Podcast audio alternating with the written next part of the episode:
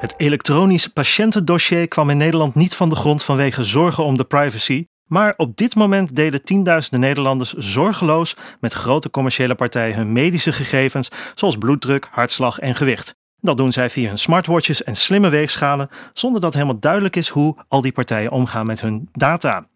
Is jouw privacy als gebruiker wel voldoende geborgd? Is het überhaupt mogelijk om innovatief om te gaan met medische data zonder dat de privacy in het gedrang komt? Je hoort dit en meer in deze aflevering van TNO Insights. Hallo en welkom. Fijn dat je de tijd neemt om te luisteren naar deze nieuwe aflevering van TNO Insights. Mijn naam is Patrick Harms. Vandaag kijken we dus naar privacy en digital health. En in de laatste aflevering van Privacy ook al aan bod, toen in de context van datagedreven overheidsbeleid, machine learning en de experimenten daarmee in de gemeente Rotterdam. Lijkt die aflevering jou ook interessant toe? Zoek dan naar TNO en Insights in de apps van Spotify, Apple Podcast, Soundcloud en van podcastluisteren.nl. Daar vind je deze en eerdere afleveringen terug. En oh ja, vergeet je niet te abonneren, want dan verschijnt de volgende aflevering vanzelf in jouw favoriete podcast app. Vandaag dus digital health en de gezondheidszorg en privacy. Aan tafel vandaag Mark van Lieshout, welkom. Je bent een uh, collega van TNO, maar ook zakelijk directeur van het Privacy and Identity Lab, oftewel het PI Lab. Het klinkt ontzettend uh, fancy, moet ik zeggen. Mooi en, uh, en, ja, absoluut. En het is een samenwerking tussen Radboud Universiteit Nijmegen, de Universiteit Tilburg en TNO. En waar houden jullie eigenlijk mee bezig in dat PI Lab? Ja. Nou, je zegt het goed, hè? het is een, een, een samenwerkingsverband. TNO Radboud en Tilburg hebben uh, aanvullende kwaliteiten. En die proberen we in dat PR-lab zo goed mogelijk te benutten. De Tilburg zit wat meer op regelgeving, ook rond privacy-vraagstukken. Radboud doet veel aan technologie, cybersecurity en privacy-technologie. En uh, de TNO doet in feite veel van dit alles. Hè. Doet zowel iets aan de technologiekant, kijkt ook naar beleidsvragen, kijkt naar de maatschappelijke impact en ook een klein stukje naar wet en regelgeving. En die drie partijen met elkaar dekken in zekere zin dus het speelveld af wat je nodig hebt om op een goede manier met privacy om te gaan. Ja, en vandaag hebben we het met name over privacy in de context van digital health. Ja. Uh, maar wat is eigenlijk digital health nu? Ja, digital health, het is natuurlijk een, soort verzamelnaam. In feite wat we daarmee aanduiden is dat heel veel ontwikkelingen in de zorg steeds meer op gedigitaliseerde manier verlopen. En dan kun je aan de ene kant denken kun je aan, uh, aan ontwikkelingen rond uh, het patiëntendossier, wat je zelf al noemt, waar steeds meer langs de elektronische weg gecommuniceerd wordt. Maar je kunt ook denken aan innovaties die steeds meer gedigitaliseerd worden. Ik heb begrepen, jullie hebben al een podcast gehad over datagedreven innovaties. Nou, dat is iets wat in de zorg ook heel nadrukkelijk speelt. Hoe kun je nou uit die hele berg data die er beschikbaar is, de goede diagnoses maken? Hoe zorgen ervoor dat je tot betere behandelingen komt, et cetera? Dat ja. is allemaal te scharen onder digital health. Oké, okay, een heel breed spectrum. Ja. Over die mogelijke innovaties uh, met digital health en privacy komen we straks nog te spreken. Ja. Maar eerst even starten met een, uh, met een stelling. Uh, er is onterecht een grote angst rond privacy issues en medische data. Wat, wat is jouw mening daarop? Ja, kijk, ik heb die, die vraag, hè, of die stelling heb ik geïnterpreteerd als eigenlijk de vraag blokkeert privacy nou goede zorg? Want dat is wel een zorg die je vaak hoort. Laat ik één voorbeeld geven. Ik was laatst te gast op een conferentie, in een workshop. En uh, in die workshop was één voorstander van het zonder toestemming mogen gebruiken van gegevens van patiënten voor onderzoek. En er was dus één tegenstander, en die was van een patiëntenorganisatie. Die voorstander, daar komen we nog over te spreken, die verrichtte onderzoek. En ik heb hem toen gevraagd: waarom wil jij zonder toestemming die patiëntgegevens gebruiken? Ben jij zo bang dat die patiënten die gegevens niet af willen staan en dat je daardoor in de problemen komt? Is dat überhaupt mogelijk dat je zonder toestemming die data kunt gebruiken? Dat is zeker mogelijk. En daar komen we nog, ik denk dat we daar nog wel iets verder op ingaan. Maar daar zijn in feite, met name binnen de zorg, zijn er heel veel mogelijkheden om dat te mogen doen. De vraag is of je het zou willen doen. En dat is denk ik een belangrijkere vraag. En ik denk dat het heel terecht is dat ook uh, voor onderzoek gekeken wordt naar willen patiënten daar wel aan meewerken. Maar dat heeft een aantal andere redenen ook. Hey, en, um, wat is er volgens jou nou nodig om, om angsten op dit punt? Want je hoort dan een beetje mij vragen van, goh, is dit überhaupt mogelijk? Ik schrik daarvan persoonlijk. Wat ja. is er volgens jou nodig om, om nee, het, het in een veilige manier dit op te zetten? Ja, ja ik denk um, in feite... Um, er wordt heel veel naar de wet gekeken. Dat is één ding. En heel, wat ik heel vaak hoor in de praktijk is dat mensen zeggen: het mag niet van de wet. Nou, dan is uh, eigenlijk altijd de vraag: wat mag er nou eigenlijk niet? De wet verbiedt niet zoveel. De wet stelt een aantal voorwaarden waar je aan moet voldoen om op een goede manier gebruik te maken van persoonsgegevens. -hmm. Dus waar het vaak om gaat is duidelijkheid, interpretatie van wat zijn nou precies die wettelijke kaders. Betekent dus feitelijk bewustwording, beter begrijpen wat er aan de hand is. Nou, dat is eigenlijk een makkelijke route. Een andere route is dat het hele idee van persoonsgegevens is breder dan het mogen gebruiken, de bescherming van de persoonsgegevens, het, uh, het, daaruit kunnen putten. Het heeft te maken met de personen die erachter zitten. Dus in feite denk ik, het startpunt van, van dit al ligt bij de patiënt. Het ligt bij de patiënt die er uiteindelijk baat bij heeft. Die moet je op de een of andere manier meezien te nemen in uh, uh, het, het, het, kunnen benutten van die gegevens. Patiënten willen dat. Okay. Wij doen een project en jullie noemen dat zelfs uh, uh, het borgen van privacy als een mensenrecht, uh, las ik ergens. Ja, ja, dat noemen wij niet zo. Hè. De, de, privacy is als fundamenteel recht opgenomen in het Europese Verdrag van de Rechten van de Mens en het Europese Handvest van de fundamentele rechten. Mm -hmm. Je moet je daarbij voorstellen, want dat is wel een aardig punt en misschien ook wel goed om te benoemen. vaak wordt privacy wat ingeënkt tot het, de persoonsgegevens. Mhm. En dat wordt dan vaak weer ingeënt tot het eh, beveiligen van persoonsgegevens. Als je nu goed naar die, dat handvest gaat kijken en die, uh, het Europees verdrag, maar ook naar onze eigen grondwet, dan is het hele idee van privacy eigenlijk wel wat breder. Het heeft aan de ene kant betrekking wel degelijk op die gegevens. We noemen dat de informationele privacy. Uh, maar het heeft ook betrekking op uh, correspondentie, communicatie, relaties. Dat noemen we de relationele privacy. Mhm. het, is iets van, en we hebben een briefgeheim in Nederland. Dat vinden mensen vrij normaal. Uh, dat hoort ook bij je privacy. Een ander aspect is uh, uh, lichamelijke integriteit. Nou, dat vindt iedereen ook vanzelfsprekend dat je toch een toestemming vraagt om aan iemands lichaam te komen, zeker in deze tijd, maar ook in de medische praktijk is dat vanzelfsprekend. Dat hoort bij privacy. En een vierde punt is de ruimtelijke privacy. Wij mhm. zitten nu op een bepaalde afstand van elkaar. Ja. Nou, dat past bij deze situatie. De luisteraars kunnen dat niet zien, maar dat kan ik u garanderen. We gaan een foto maken. We gaan een foto dat maken, die, sturen dan gelijk, die sturen we dan gelijk toe. Uh, in een kroeg sta je dichter op elkaar. In een bus vaak ook. We accepteren dat. Heel interessant. In, uh, er is een onderzoek geweest waarbij in uh, Second Life, hè, niet te verwarren met Second Love, maar Second Life, die mhm. oude virtuele ruimte, ja? waar mensen avatars mochten gebruiken. En die avatars gebruikten, nou, avatars zijn popjes waar je mee speelt, ja. en die gebruikten dezelfde sociale conventies als in het werkelijke leven. En wat onderzoekers daaruit afleiden is dat ook die ruimtelijke privacy is iets wat voor ons vanzelfsprekend is. En ik vind dat zelf, hè, dus die vier punten, die ook in onze grondwet vastliggen. We hebben mhm. daar voor ieder van die vier hebben een apart uh, grondwettelijk artikel uh, ingestoken. Die samen, die tuigen privacy op. Hè. En het inengen tot alleen uh, gegevens is daarmee doet afbreuk aan wat we eigenlijk willen beschermen. Hè. Dat fundamentele ja. recht waar je het over hebt. En, en als je dan kijkt naar digital health, je benoemt er ja. nu vier. Komen die alle vier aspecten van privacy, vormen van privacy dan daarbij terug? Of zegt nee, dat zit meer in relationele privacy of iets dergelijks. Ja, het zit, het zit in de, ik, ik denk dat je kunt zeggen dat de, uh, nou, vanzelfsprekend lichamelijke integriteit is natuurlijk vanzelfsprekend. En uh, de ruimtelijke privacy zal in de regel net iets minder van belang zijn, maar die andere drie spelen een grote rol. Als ik dat mag aanvullen, kijk, wat, wat wel nadrukkelijk speelt, is dat die informationele dimensie, dus het feit dat we steeds meer met gegevens uh, doen, overal camera's, toegangspasjes, je OV-kaarten, nou noem het maar op, betekent dat die informationele dimensie natuurlijk wel degelijk groeit. Mhm. En daar hebben de mensen die zich daar uh, zorgen over maken. Hè, van de andere kant mag ik het wel. Hebben daar natuurlijk wel een punt. Het is wel degelijk zo dat we steeds meer elektronische digitale diensten verkrijgen. Die in zekere zin ook ingrijpen op die lichamelijke dimensie, hè, de, het, kunnen injecteren van uh, kleine camera's of kleine RFID-chips uh, in, je, in je lijf. Uh, de informationele dimensie zonder meer ook. Mm -hmm. en daarmee komt dat hele privacy-begrip ook wel wat nadrukkelijker in die informationele sfeer te staan.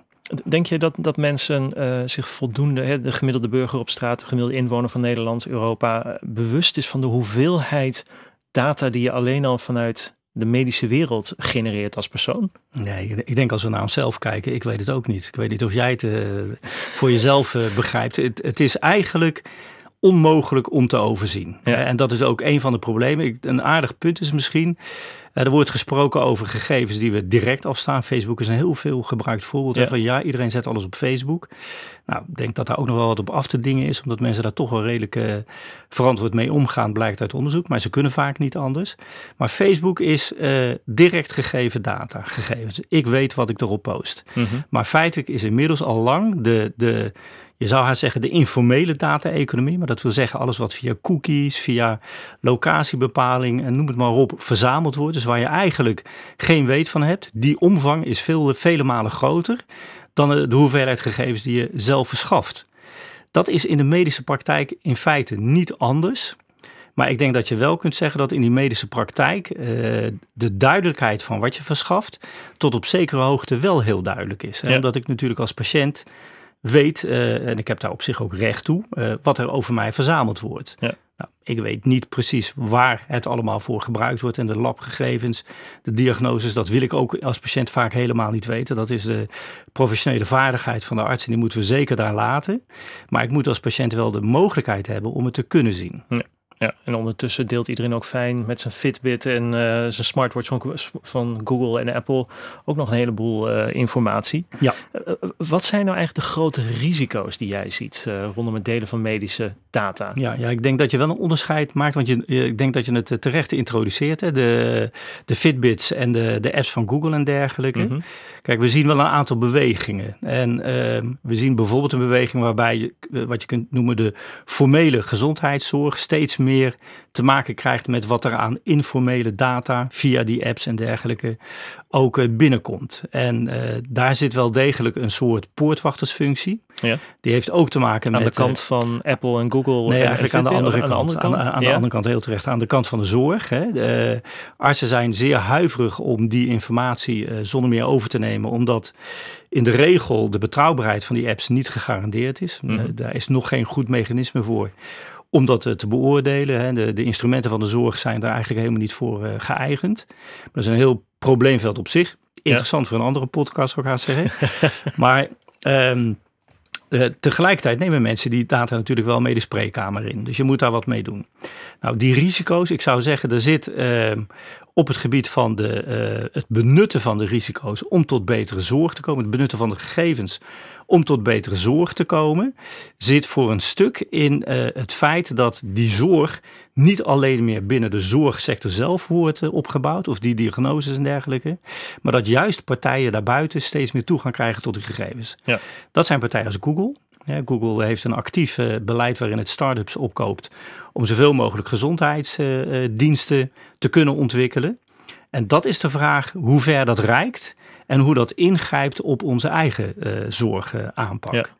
En dat onderscheid zou ik willen maken. Oké, okay. La laten we ons dan vooral concentreren op de medische uh, ja. digital health. Uh, ja. Want daar zijn denk ik al genoeg, daar is genoeg over te, vertellen. Te vertellen. Welke ontwikkelingen zijn er op dat punt gaande? Ja, in Nederland, ook daar denk ik kun je een onderscheid maken aan de ene kant in wat er aan de infrastructuurkant gebeurt. Dus dat wil zeggen het delen van informatie tussen, tussen zorgpartijen. Nou, je noemde in de inleiding al het elektronisch patiëntendossier, een bekend voorbeeld van hoe het niet goed is gegaan in Nederland. Uh, dat heeft nu eigenlijk een soort uh, het is niet sluipende weg. Dat zou uh, uh, suggereren dat het heel stiekem is gebeurd. Dat is niet zo. Maar inmiddels zijn er natuurlijk voldoende mogelijkheden om dat elektronisch patiëntendossier op een goede manier uh, te benutten. Ja, iedereen krijgt bij zijn huisarts vaak het ja. verzoek van: goh, mag exact. ik, mag ik de ja. data met jou, met andere huisartsen ja, binnen maar... een netwerk delen om dat bij de uh, nachtdiensten men toch bij jouw data kan. Exact. Dat soort voorbeelden ja, bedoel je? Exact. Ja. Dat is het landelijk schakelpunt noemen we dat. Precies. Ja, waardoor uh, huisartsen makkelijker bij elkaar kunnen kijken, apothekers ook makkelijker medicijnen uit kunnen schrijven en ook de contacten tussen huisarts en ziekenhuis goed verloopt. Mm -hmm. nou, dat is één kant. Hè. En die infrastructuurkant, daar zie je, het is een ongelooflijk complex systeem. En die complexiteit is een probleem. Is ook een probleem uit privacy oogpunt omdat je daarmee echt uh, te maken krijgt met de vraag tot hoever reikt de autonomie van de patiënt? Hoe kan ik die betrekken bij het zorgproces? Hoe zorg ik dat hij ook werkelijk meedoet en dat hij ook werkelijk mee wil blijven doen? Ja. ja? Nou, patiënten willen meedoen. Laten we dat vooropstellen, want voor hun is goede zorg essentieel. Ja. Dus het gaat er vooral om, kan ik het nou zo regelen dat ik weet dat ik het goede doe en voorkom dat er misbruik gemaakt wordt uh, waar ik dat helemaal niet wil. Nou, en wat voor wettelijk kader ontstaat daar? Nou, bestaat dat een wettelijk kader of komt er iets aan? Wat is de, daar de ontwikkeling? Er, is een uh, wettelijk kader uh, op zich. Uh, in feite denk ik dat je moet zeggen, er zijn er drie. Laat ik het heel snel zeggen. Er is één die bestaat al sinds jaren dag. Dat is de, de wet die de behandeling van, met een patiënt regelt. Mm -hmm. Wetgeneeskundige behandelovereenkomst. En die zegt gewoon, een patiënt en een arts nemen, maken een overeenkomst, hè, sluiten een overeenkomst waarin gegevens gedeeld mogen worden voor het belang van de, van de behandeling. Ja. Vindt de patiënt ook heel normaal. Absoluut. Betekent ook dat alleen uh, zorgverleners die echt bij die gegevens moeten kunnen komen, dat die erbij mogen. Nou, het Barbie-incident, om het even zo te noemen, is een voorbeeld waarin dat soms fout gaat. Hè, waarbij de geneeskundige... Wat is het Barbie-incident? Het Barbie-incident is de uh, Barbie, de Haagse uh, Barbie. Mm -hmm. Ik moet heel eerlijk bekennen dat ik niet helemaal in deze materie zit uh, wat betreft Barbie, maar wel wat er gebeurt is. Barbie is een bekende persoon, ja. ook van, uh, vanuit reality shows op tv. En zij is op een gegeven moment opgenomen in het ziekenhuis in Den Haag. En uh, uh, na verloop van tijd bleek dat verpleegkundigen uh, zonder toestemming gekeken hadden in haar dossier. Hm. Die verleiding is groot, want het zijn bekende mensen, maar dat mag niet. En het is zelfs zo dat op het moment dat je dat doet en, het, en men komt erachter, dan kun je zelfs ontslagen worden. Je kunt twee dingen zeggen. Mensen kijken, dus blijkbaar is het niet goed geregeld. En is er ook een privacy incident, hè, nadrukkelijk met betrekking tot Barbie. Mhm. Tegelijkertijd kun je ook zeggen, het is wel gesignaleerd. En dat uh, zet ook weer een rem op uh, vervolgpraktijken, want het is ook wel degelijk aangepakt. Ja. Nou, dat is dus één ding. Die, die wet op de behandeling, die, die geeft aan, jij mag alleen in mijn data kijken, mijn gegevens kijken, als dat van belang is voor mijn behandeling. Dat is een hele belangrijke wet. De tweede is de algemene wet, de algemene verordening gegevensbescherming. Die is nieuw. Ja. Die geeft uh, patiënten en eigenlijk alle mensen heel veel rechten. Rechten op inzage, recht om te zeggen je mag het niet gebruiken. Er moet altijd een goede grondslag zijn voor de geestbehandeling. Heel veel, te veel om hier uh, in kort bestek te behandelen. Mm -hmm. Maar dat is een wet waarvan je in grote lijnen kunt zeggen die gaat over het afdekken van risico's. Nou, in de zorg wordt in de regel behoorlijk zorgvuldig omgegaan met uh, uh, gegevens, patiëntgegevens. Want dat is natuurlijk een ongelooflijk belangrijk aspect. Maar het kan beter. Ja. En daar richten wij ons op. En de derde wet, dat is die wet met een hele ingewikkelde naam. Laten we zeggen, dat is een wet die de cliëntenrechten nog beter regelt. Die gaat volledig in uh, op 1 juni 2020. En die geeft patiënten het recht om uit te maken welke zorgverleners in hun data mogen kijken als die beschikbaar zijn. Mm -hmm. En dan moet je je voorstellen dat een arts uh, een dossier aanmaakt die op afstand te raadplegen is ja. door een andere partij. En dat die andere partij wederom dat alleen maar mag doen als daar een reden voor is. Maar een patiënt mag daar nog steeds zeggen: Ik wil niet dat jij het ziet. En, en hoe regelen we dat? Is er een, een, een set regels, kaders, uh, waarvan we zeggen, nou, da, daar moet het aan voldoen en dan is het veilig en kan het op een goede manier? Ja. Ik denk, wij hebben zelf uh, een model ontwikkeld binnen TNO en dat model proberen we ook in dit soort omgevingen verder uit te brengen. En dat zegt, we moeten privacy vanuit verschillende kanten aanvliegen. Ja. Alleen vanuit de juridische kant is het beperkt, want dan krijg je een soort afvinklijstje, dat wil je helemaal niet. En uh, je wilt het ook niet alleen vanuit de technische kant regelen, want dan gaat het vaak alleen maar over de beveiliging. We hebben het goed beveiligd, we zijn klaar. Nou, verre van dat. Ook niet alleen vanuit de organisatie. Hè. We weten wie wat mag doen, dan zijn we ook klaar. En ook niet alleen vanuit de maatschappij. Van mm -hmm. de patiënt, uh, de autonomie van de patiënt is belangrijk. Van daaruit redeneren we. Nee, wij zeggen, je hebt ze echt alle vier nodig om op een goede manier uh, om te gaan met privacy. Daar zijn mogelijkheden voor. Respect for you zegt uh, het moet responsible, verantwoord, empowerment. Dat wil zeggen, de patiënt moet empowered worden, moet dus de mogelijkheid hebben ja. om te weten wat er gebeurt. Informed control noemen we dat ook, ten opzichte van het informed consent. Het moet wel secure gebeuren. Nou, er gebeurt heel veel op dat gebied, heel interessant. We moeten proactief zijn, de P van proactief. We moeten weten van tevoren wat er gebeurt. Privacy by design. Uh, zorgen dat je het van meet af aan meeneemt en inbouwt in de systemen. Ethical, de E van ethical. Met name de datagedreven innovaties en de, de machine learning technieken stellen weer hele nieuwe vragen. Daar mm -hmm. moeten we op bedacht zijn en mee omgaan. Cost benefits. We willen de kosten en de baten met elkaar in overeenstemming brengen. Het heeft ook baten, omdat we meer kunnen, meer mogen, patiënten beter meenemen. En het moet transparant zijn, de T van transparantie. Nou, die zeven velden. En stel nou eens dat we die plotten op die vier belangrijke dimensies, dan ja. zie je dat we allerlei instrumenten aan kunnen bieden om dat uh, in één keer mee te nemen met het inregelen van die uh, privacy van patiënten. En toch op een goede manier gebruik te blijven maken van die gegevens. En dat model heet dus Respect for You, ja. uh, door, door TNO en een PI Lab mede ontwikkeld. Ja. Gaat die nieuwe wet uit van, van, van de kaders die jij net schetst binnen Respect for You? Of zeg je nou, er zitten nog wel wat verbeterpuntjes? Uh als, de, als je het dan hebt over de, de wet waar ik het net, de, de laatste wet waar ik het over had. Kijk, de, de AVG, uh, eh, Respect for You, is volledig in lijn met de AVG, want daar is het ook op gebaseerd. Hij is in zekere zin ook volledig in lijn met die wet cliëntenrechten. Ik denk wel dat bij de wet cliëntenrechten we een andere probleem gaan krijgen. En dat is dat uh, we daar heel goed moeten kijken naar hoe we de patiënt daarin meenemen. Omdat die patiënt uh, een aantal rechten aangeboden krijgt. Het is een Nederlandse wet, voor alle duidelijkheid. Het is mhm. echt alleen maar in Nederland. Het is een opvolging van die, ja, het, toch het fiasco van de EPD. En bij deze wet zijn we, en dat, daar is ook een Nederlands programma voor gaande, waar we nauw contact mee in nauw contact zijn, het gespecificeerde toestemming. Daar zijn we aan het kijken hoe we er nou voor kunnen zorgen dat we die autonomie van die patiënt goed meenemen, die mogelijkheid bieden, maar voorkomen dat dat uh, als een soort boemerang terugslaat op het wel of niet beschikbaar stellen van gegevens. Dat wil de patiënt niet. Dat is ook niet de intentie van de wet, maar het zit er wel een klein beetje in. Maar ik hoor een nieuwe wet, ik hoor het specifiek voor Nederland. Ja. Ehm, dan denk ik van, dan zit daar misschien ook wel een innovatiekant waarbij we als Nederland kunnen zeggen, nou we gaan ja. nieuwe modellen, nieuwe werkwijzen ontwikkelen die we, waarmee we een hele nieuwe industrie kunnen opbouwen. Ja, ik denk dat het nou het een hele industrie is, dat is mogelijk wat veel, maar als onderdeel daarvan zeker. Um, wat daar interessant wordt is, uh, wat wil de patiënt nu eigenlijk? Mm zeker bij privacy scheren we vaak uh, de, de betrokkenen, de persoon over wie het gaat, over één kam. Ja. alsof het, het niet uitmaakt wat voor persoon je voor je hebt. En die patiënt die is nogal verschillend.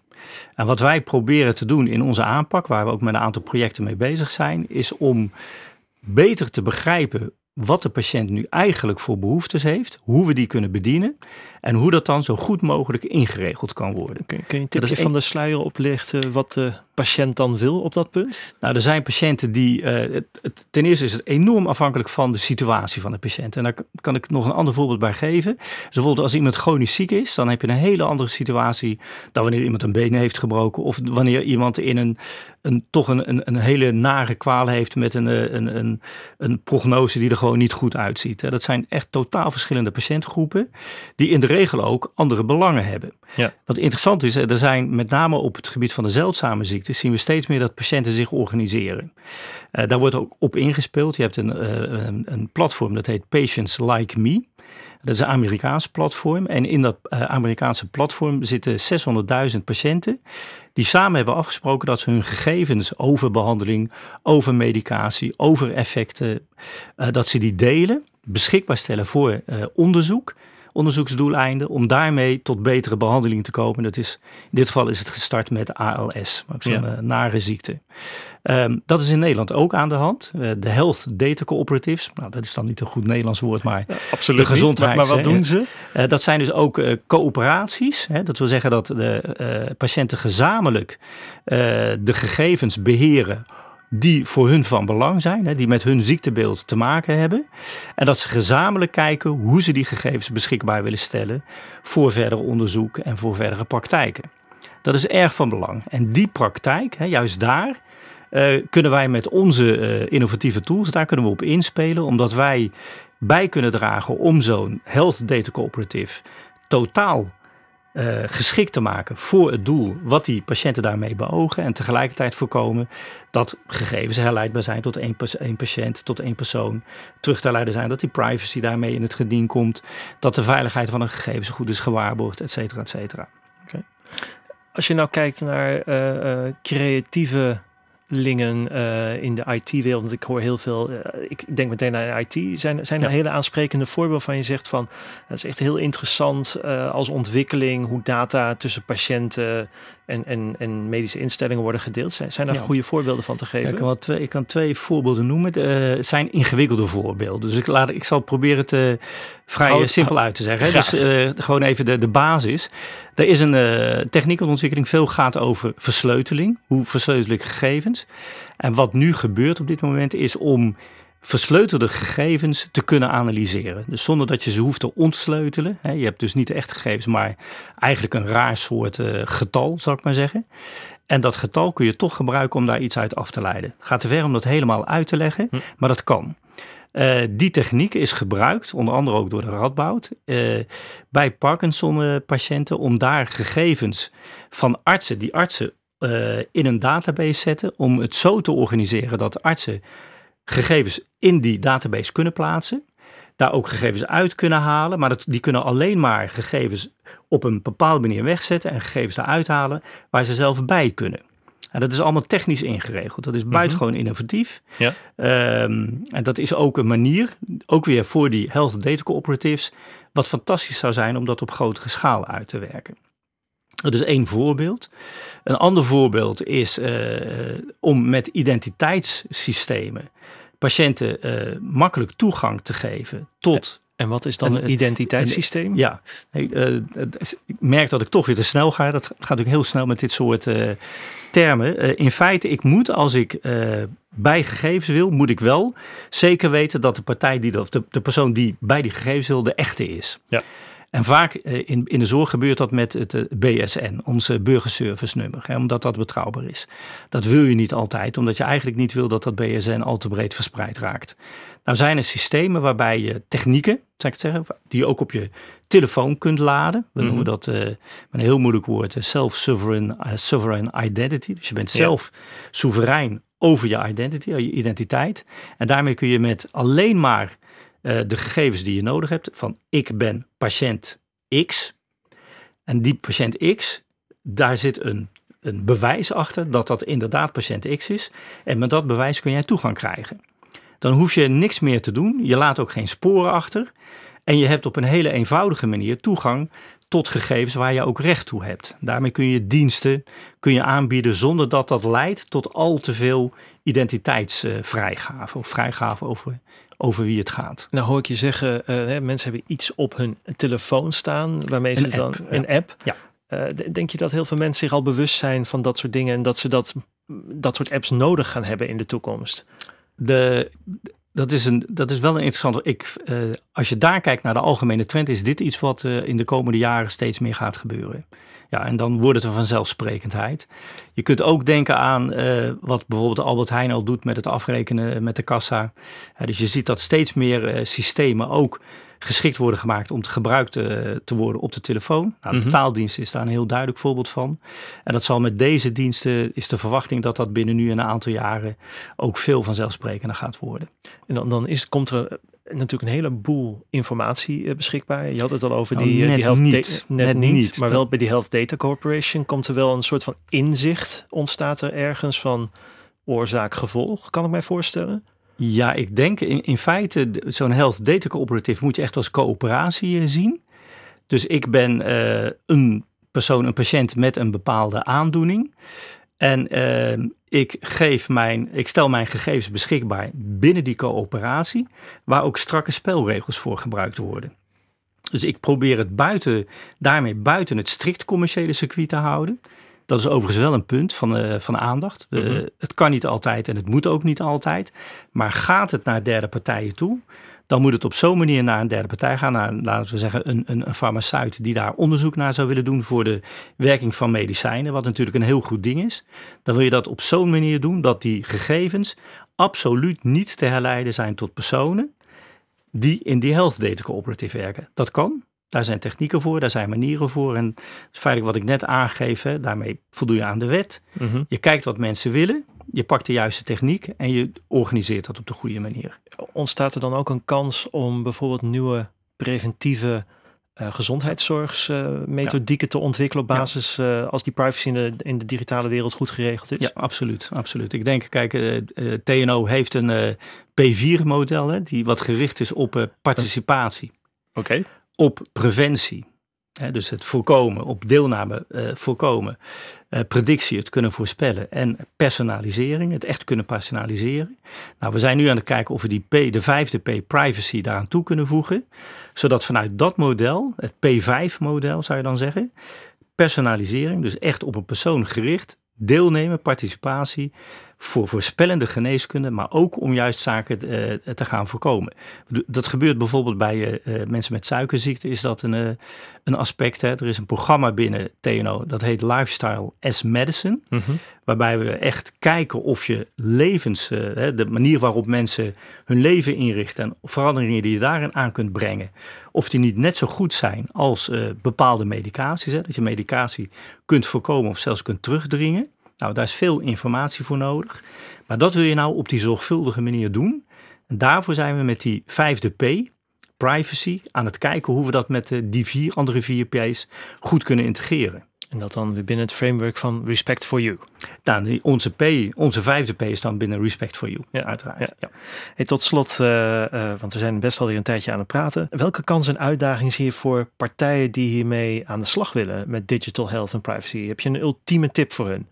Een ultieme tip, ja, kijk, als ik kijk naar onze eigen organisatie, dan zie ik dat we volop investeren in uh, het onderzoeken van die mogelijkheid om die zorg beter te krijgen met behoud van privacy. Daar liggen veel kansen.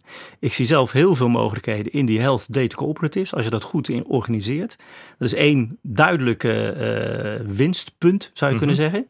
Met name ook omdat je daarmee ook juist de contacten met uh, andere partijen misschien beter kunt regelen en uh, de data ook op een goede manier kunt organiseren.